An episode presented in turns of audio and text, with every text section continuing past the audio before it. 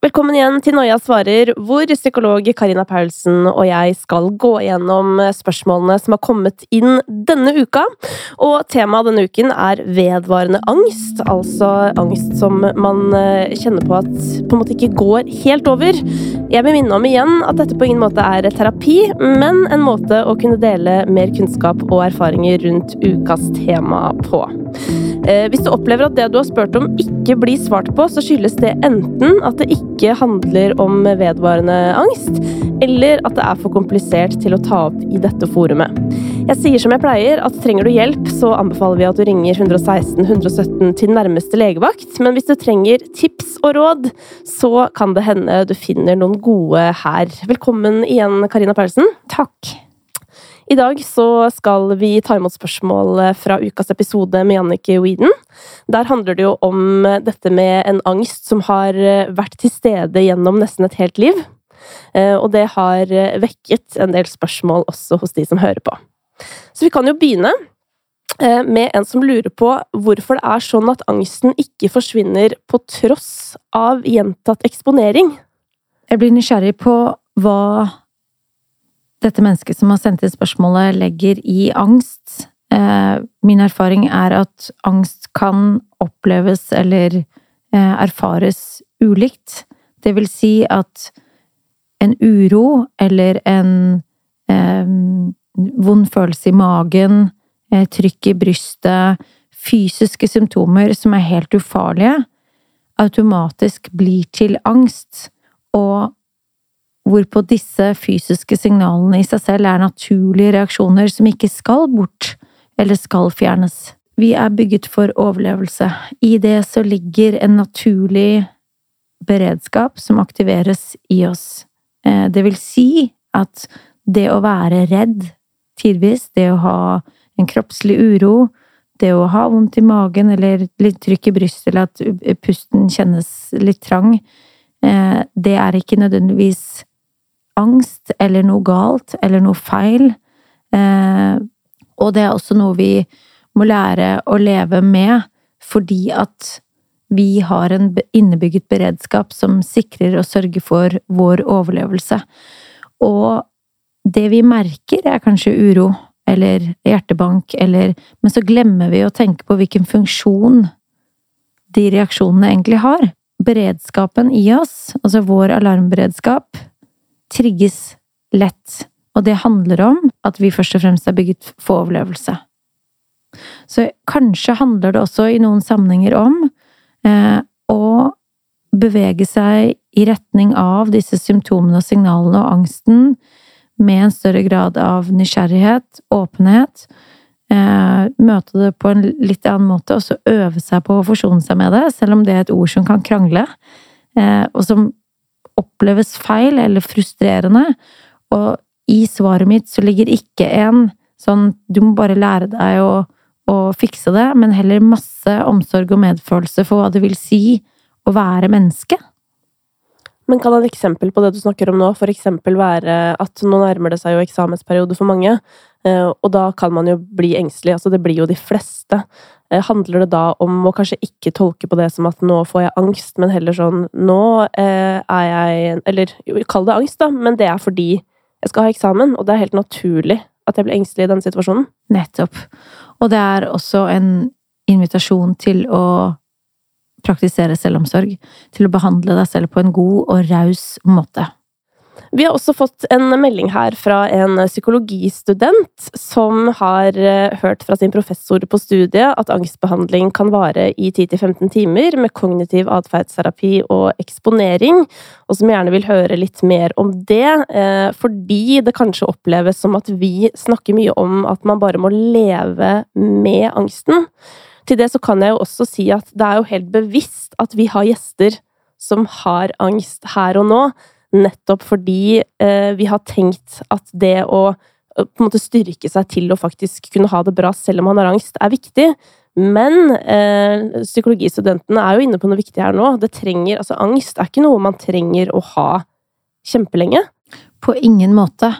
Og den måten vi snakker om angst på her, handler jo også om å ivareta både de som opplever å ha vedvarende angst, eh, og eh, som på ingen måte skal føle seg stigmatisert av den grunn. Og også de som har opplevd f.eks. for eksempel korttidsterapi, kognitiv terapi eksempel, eh, og opplevd at det har fungert veldig raskt. Ja til psykologistudenten. Kognitiv atferdsterapi regnes som evidensbasert metode, vil si den metoden som fungerer best i møte med langt de fleste angstlidelser. Eh, også når det kommer til depresjon og stressrelatert problematikk, for eksempel, og mange andre psykiske lidelser i tillegg. Mm. Så angst kan helt fint behandles og også kureres. Så må vi skille mellom hva som er angst, og hva som er en naturlig alarmberedskap iboende i oss. Og der spiller det også en rolle hva enkeltmennesket, altså den enkelte, tolker som angst eller en naturlig beredskap. Mm. Så en person vil snakke om en uro i magen eller eh, nervøsitet, hjertebank, som angst. En annen vil snakke om det som litt spenning eller en naturlig reaksjon. Mm. Og jeg kan jo også si for min egen del at jeg har også blitt merkbart bedre etter terapi. Altså virkelig, jeg fungerer jo rimelig 100 Eh, Det eneste er at på en måte den opplevelsen jeg har hatt med angst, nok har vært så eh, kraftig at eh, deler av det ligger i meg som en slags frykt, da, som jeg ikke hadde før jeg begynte å få panikkangst. Men jeg føler jo på en måte også at jeg er Altså, jeg kaller meg jo på mange måter frisk, eh, og det tror jeg det er ganske mange som kan kjenne seg igjen i. At du eh, klarer å gå i butikken, og du klarer å gå på bussen, men det er bare et eller annet som føles litt vanskeligere enn det var før, fordi du veit på en måte, dessverre, hva som kan skje hvis du eksempel går over grensene dine, da. Og det vil man jo være nødt til å gjøre en gang iblant, ikke sant? Og det er jo derfor, eh, for meg i hvert fall, at angsten fortsatt er skummel, selv om jeg føler meg på mange måter veldig bra. Selv om den egentlig passer på at du ikke går over grensene dine. Ja, og det er jo nettopp det som er eh, det interessante her, ikke sant? At det at jeg da bærer på en eh, Kall det en større liksom, frykt enn jeg gjorde tidligere i livet, så er det ironisk nok kanskje den frykten som gjør at jeg kommer til å slippe å oppleve det igjen. Nettopp. Da skal vi over til eh, noen som har eh, vedvarende angst, eh, og som lurer på, på måte, hvordan man kan komme ovenpå. Det står her at det er mange som sier at det er viktig å stå i jobb når man har en angstlidelse, og vedkommende føler på skammen når dette blir tatt opp. Selv er vedkommende på vei til å bli ufør, og bare tanken på å skulle gå i gang med en prosess med søknader, intervju osv. knekker meg helt totalt, står det her. Har dere noen tips til hva jeg kan gjøre? Snakk med en fagperson, en behandler, en som kan støtte deg, en som kan hjelpe deg å lage en plan. En plan for eh, den tilstanden du er i nå, og eventuelt også en langsiktig plan. Jeg vil si at i en tilstand av angst så er det kanskje ikke så hensiktsmessig å lage plan N for resten av livet, men heller hva trenger du akkurat nå, og samtidig også se etter kilder til mestring der hvor du er nå. Det trenger vi alle. Og jeg er sikker på at selv om vi mennesker, nå snakker jeg om oss sånn generelt, periodevis lider og opplever ikke å fungere på omtrent noe som helst, så er det alltid noen ting vi får til. Og sånne små mestringsopplevelser, også i det daglige, hva enn det er, det kan være veldig nærende, og det kan være første steget på veien. Og summen av de stegene totalt sett, det gjør at man sakte, men sikkert kanskje øker funksjonsevnen og kommer seg tilbake i retning av å virke, i retning av å kunne være en del av, bidra, for jeg er sikker på, til deg som skriver dette, at du har noe å bidra med. Jeg er sikker på at du trengs. Det er flere som sliter med dette med, med, studier og arbeidsliv. Det er en annen her som skriver jeg har ikke kommet meg i jobb fordi jeg er livredd for å gjøre feil, ikke være god nok, få angstanfall på jobb, osv., osv. Hvordan skal jeg komme meg ut av dette når jeg ikke tør å søke jobber fordi jeg er livredd for å måtte si nei til intervjuer av angstanfall? Takk for at du setter ord på hvordan du har det, eh, og beskriver noe helt sikkert veldig mange vil kjenne seg igjen i. Dette er angstens natur. Angsten får oss til å unngå. Den får oss til å tro at vi ikke tør, at vi ikke kan, osv. Del disse oppgavene opp, eller målene opp i mindre og mer overkommelige deler. Én ting av gangen, sånn at du bygger trappetrinn for mestring. Koble deg på mennesker, eller kanskje bare ett menneske som kan hjelpe deg og støtte deg på veien. Angsten vil fortelle deg at du ikke kan, at du ikke tør, og at det er veldig sannsynlig at du ikke vil klare. Det er angstens natur.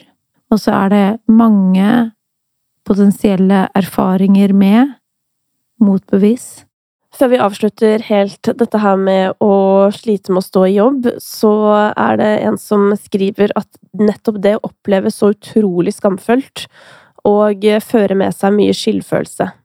Jeg føler at alle jeg vet om, sier at de har angst, samtidig så viser de at de takler studier, jobb, sosiale sammenkomster osv., og, og derfor klarer jeg ikke å legge vekk tanken på at jeg er svak, som ikke klarer det, jeg òg. Skam er en forferdelig følelse. Ehm, og det får oss til å skjule. Det vi skammer oss over, det har vi ikke lyst til å fortelle eller sette ord på.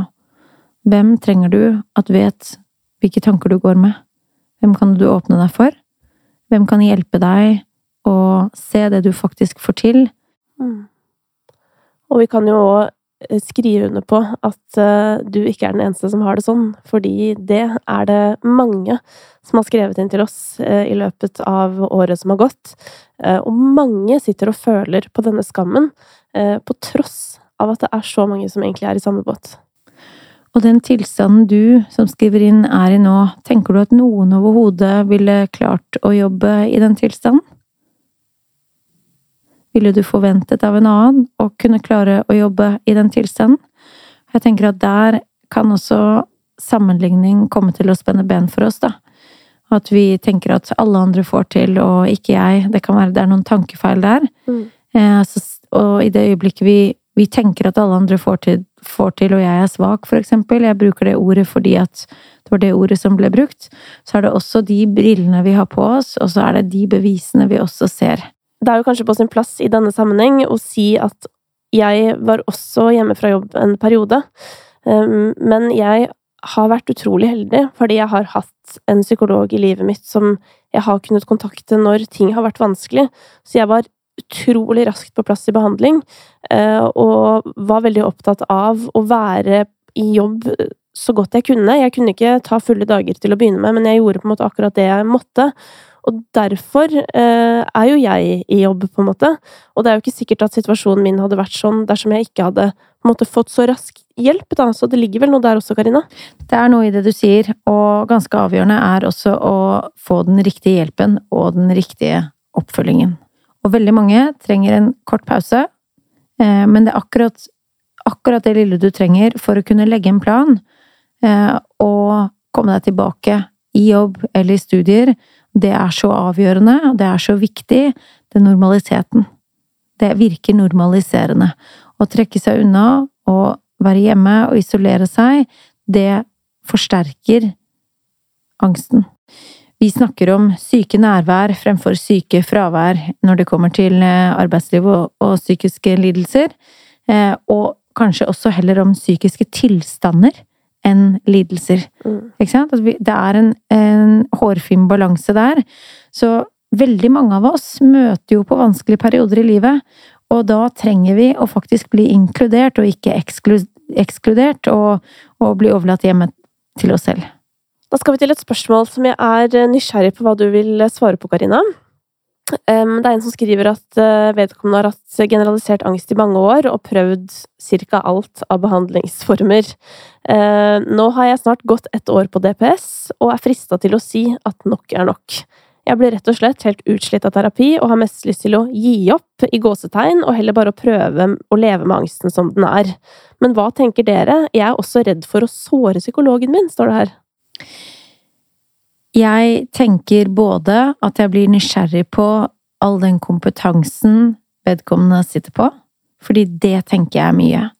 Og jeg tenker at vedkommende antakeligvis har mange av svarene på egen lidelse, eh, hvilket også medfører at vedkommende nok i stor grad kan guide seg selv, lede seg selv, på en ganske konstruktiv måte. Mm. Det som handler om å skulle såre psykologen, blir jeg veldig opptatt av. Fordi det er psykologens egen risiko å gå inn i et sånt yrke. Og en klient, som jeg kaller det, da, eller pasient, er aldri ansvarlig for psykologens følelser.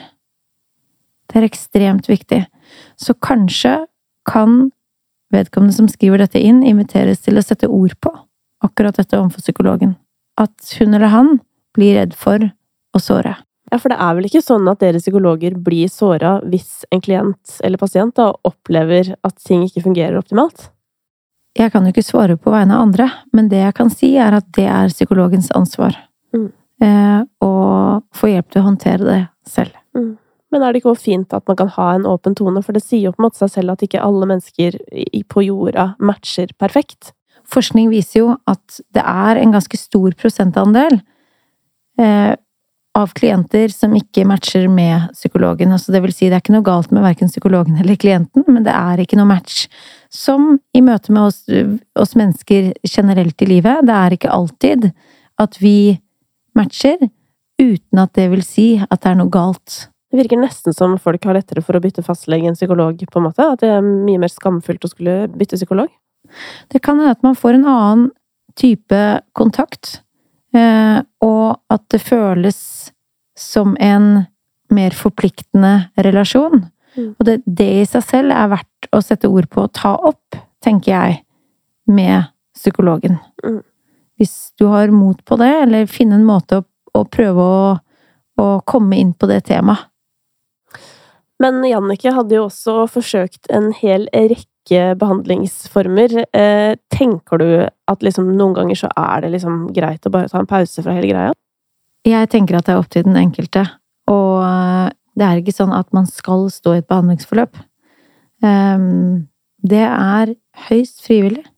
Det kan man både velge til og fra, akkurat som det passer en selv. Vi skal videre til en annen som kjenner seg veldig igjen i det Jannicke fortalte i ukas episode. Her står det hver natt har jeg hatt store angstanfall, og de starter ofte med at jeg tenker på hva jeg skal gjøre dersom jeg mister ektefellen min, hvis jeg mister jobben, om jeg får kreft, osv. Jeg tror bare ikke jeg kan komme til å klare å takle det, og jeg tenker ofte at om det skjer en krise, så må jeg ringe en ambulanse umiddelbart, fordi jeg ikke tror jeg kommer til å klare å tak takle noe sånt. Er dette vanlige tanker, Karina? Dette vil jeg henge på den knaggen som kalles katastrofetanker. Hjernen klarer ikke å skille mellom hva som er tenkt og forestilt, og hva som faktisk skjer. Så det øyeblikket vi tenker på sånne katastrofescenarioer, så vil vi også potensielt kunne merke fysiske endringer i kroppen, at alarmberedskapen går i gang. Og da er det ikke meningen at vi skal falle til ro og sove. Så vi kan nesten lure hjernen vår med å tenke i katastrofetanker? Helt riktig. Men hvordan kan man møte de når de dukker opp da, for å prøve å eh, tenke litt mindre på de? Du kan enten gå til de på en kritisk måte ved å stille spørsmålstegn, se etter motbevis, tenke alternative tanker. Noen responderer veldig godt på det. Um, være kritisk til sannsynligheten, også til forferdeligheten. Faktisk se for seg at man mestrer situasjonen eller situasjonene. Eller så kan man gjøre seg opp en tanke på et litt mer metaplan og tenke hvor viktig er det at jeg tenker på dette scenarioet akkurat nå? Hva vil det hjelpe meg? Og hvis det verst tenkelige skjer, vil du da være fornøyd med at du har tenkt det ut på forhånd? Det er heller ikke uvanlig å tenke i katastrofer eller bekymringer på det tidspunktet av døgnet, når det er kveld eller natt, når man skal legge seg. Og for noen så kan det da også hjelpe å gjøre en avspenningslydfil, for eksempel. Eh, se for seg et trygt sted. Tenke på noe man gleder seg til eller har lyst til å gjøre. Noe som gjør at du blir rolig eller glad, og som får deg over i en annen tilstand. Mm. Og det driver jeg med nesten hver eneste kveld før jeg skal sove, um, og det er helt nydelig, rett og slett. Det er en slags avspenning og en kroppsskann, som det heter, eh, som gjør at at eh, egentlig kroppen kommer over i en ganske annen tilstand. Eh, så det er i hvert fall å anbefale hvis man ikke har testa det før, og der vil jeg også legge til gi det noen sjanser før du på en måte gir det opp, for det kan ta litt tid å, å på en måte venne seg til å puste rolig, særlig når vi er i en tilstand som er veldig urolig. Vi har fått melding fra en som opplever økt angst i forbindelse med endring av livssituasjon. Her står det Jeg er nettopp ferdig utdanna og har begynt i en jobb som jeg har gleda meg veldig lenge til å starte i, men jeg opplever økt uro og sterk bekymring som er til stede nesten hele døgnet. Og da er jo spørsmålet om vi har noen råd til hvordan vedkommende kan takle denne økende angstfølelsen når livet er i endring. Hva ville du sagt til en god venn i samme situasjon? Jeg tenker at dette høres ut som en naturlig reaksjon på en unaturlig situasjon. Eller ikke nødvendigvis en unaturlig situasjon, men en ny. annerledes og ny situasjon. Som skaper spenning, som skaper uro, som setter litt mer i gang, og som gjør at man har litt mindre overskudd. Litt mindre å gå på. Mm. Dette er jo egentlig noe av det vi var inne på helt i begynnelsen også. Dette med å, å skille mellom hva som faktisk er uh, angst, uh, og hva som er helt naturlig. Altså, dette er jo, er jo spennende, og man har kanskje lyst til å levere, men man kan ikke alt helt enda, og liksom, det er jo en utrygg situasjon. Absolutt. Det er både en invitasjon til å være nysgjerrig. Hva skjer, og eh, hvordan oppleves det, og hvordan erfares det? Men mest av alt en anledning, tenker jeg, da Kristine. Mm. Til å være omsorgsfull og god og raus med seg selv. Mm. Og så tenker jeg også at, um, at uh, her går sikkert litt på tolking av uroen igjen. At i stedet for at man klarer å hvile i at nå er jeg urolig fordi uh, jeg er litt nervøs i denne nye settingen, så begynner man å oppfatte uroen som at angsten er på vei tilbake. Og det er jo der sikkert mye av dette ligger. Absolutt. Og da kan du skrive ned signalene, eller tankene dine, og se på fortolkningen, om det er noe å hente der. Tenke mm. annerledes, eh, finne frem til beroligende eller alternative tanker, eh, og flytte fokus ut. Mm. Angst kan eh, være rimelig slitsomt fysisk. Det er en som skriver til oss Hva gjør jeg når angsten har tært så lenge og så mye på kroppen at jeg bare får mindre og mindre energi? For eksempel har jeg droppet flere fag for å da kunne gjennomføre noen, eh, men nå føler jeg at jeg må slutte på skolen på grunn av angst og utmattelse. Angst er utmattende. Det krever masse energi, så det er ikke så veldig rart at dette mennesket kjenner at det ikke er så mye igjen å gå på. Veldig konstruktivt å ta noen fag bort for å kunne gjennomføre. Og så tenker jeg at kanskje det er noe mer som trengs også.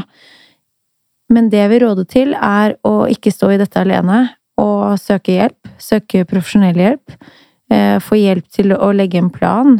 Snakke med lærere, eller noen som kan støtte, legge til rette for. Og se etter muligheter for mestring. Det kan være at vedkommende trenger en, en liten pause, men kanskje er det også mulig å stå i ett fag, eller eh, å oppleve mestring i noen grad på en eller annen måte. Mm. Men jeg kan kjenne meg igjen i det der med at når man er i en tilstand av angst, så føler man at den eneste løsningen på problemet er å bare kvitte seg med alt på timeplanen, fordi det blir overveldende. Men idet eh, man er over i en annen tilstand igjen, så blir det ofte veldig tydelig at det handler kanskje ikke om hvor mange fag nødvendigvis, men det handler om på en måte omstendighetene. Det er så mye, det er en helhet, da. Uh, og jeg opplever noen ganger at Altså, jeg kan kjenne meg så igjen i det selv, som sagt, at man bare vil rydde unna.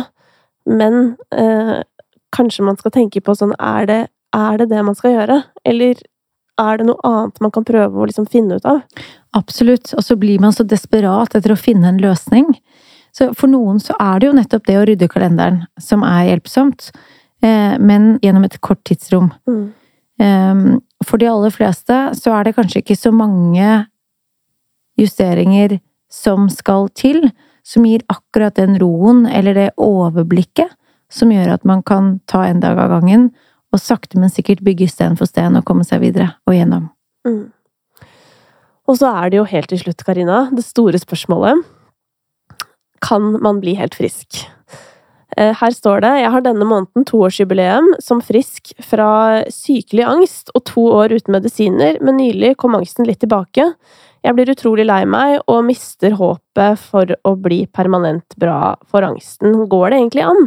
jeg vil si ja, det er fullt mulig. Vi, møter, vi mennesker møter ulike tilstander og utfordringer i livet som kan trigge. Eh, og så tenker jeg det handler om å søke og legge til rette for å få den støtten og hjelpen man trenger i den tilstanden og perioden og fasen man er i. Og det at vedkommende har vært frisk i to år, er jo nettopp bevis for at det går an å bli frisk. Mm. Uten at det vil si at vi kan garantere for at man aldri vil kjenne på angst eller uro eller ubehag igjen. Men håpløshet i seg selv er ikke et bevis for at man ikke kan få det bedre. Men håpløsheten kan være til hinder for at man gjør de gode tingene for seg selv, som gjør at man nettopp kommer seg videre og får det bedre.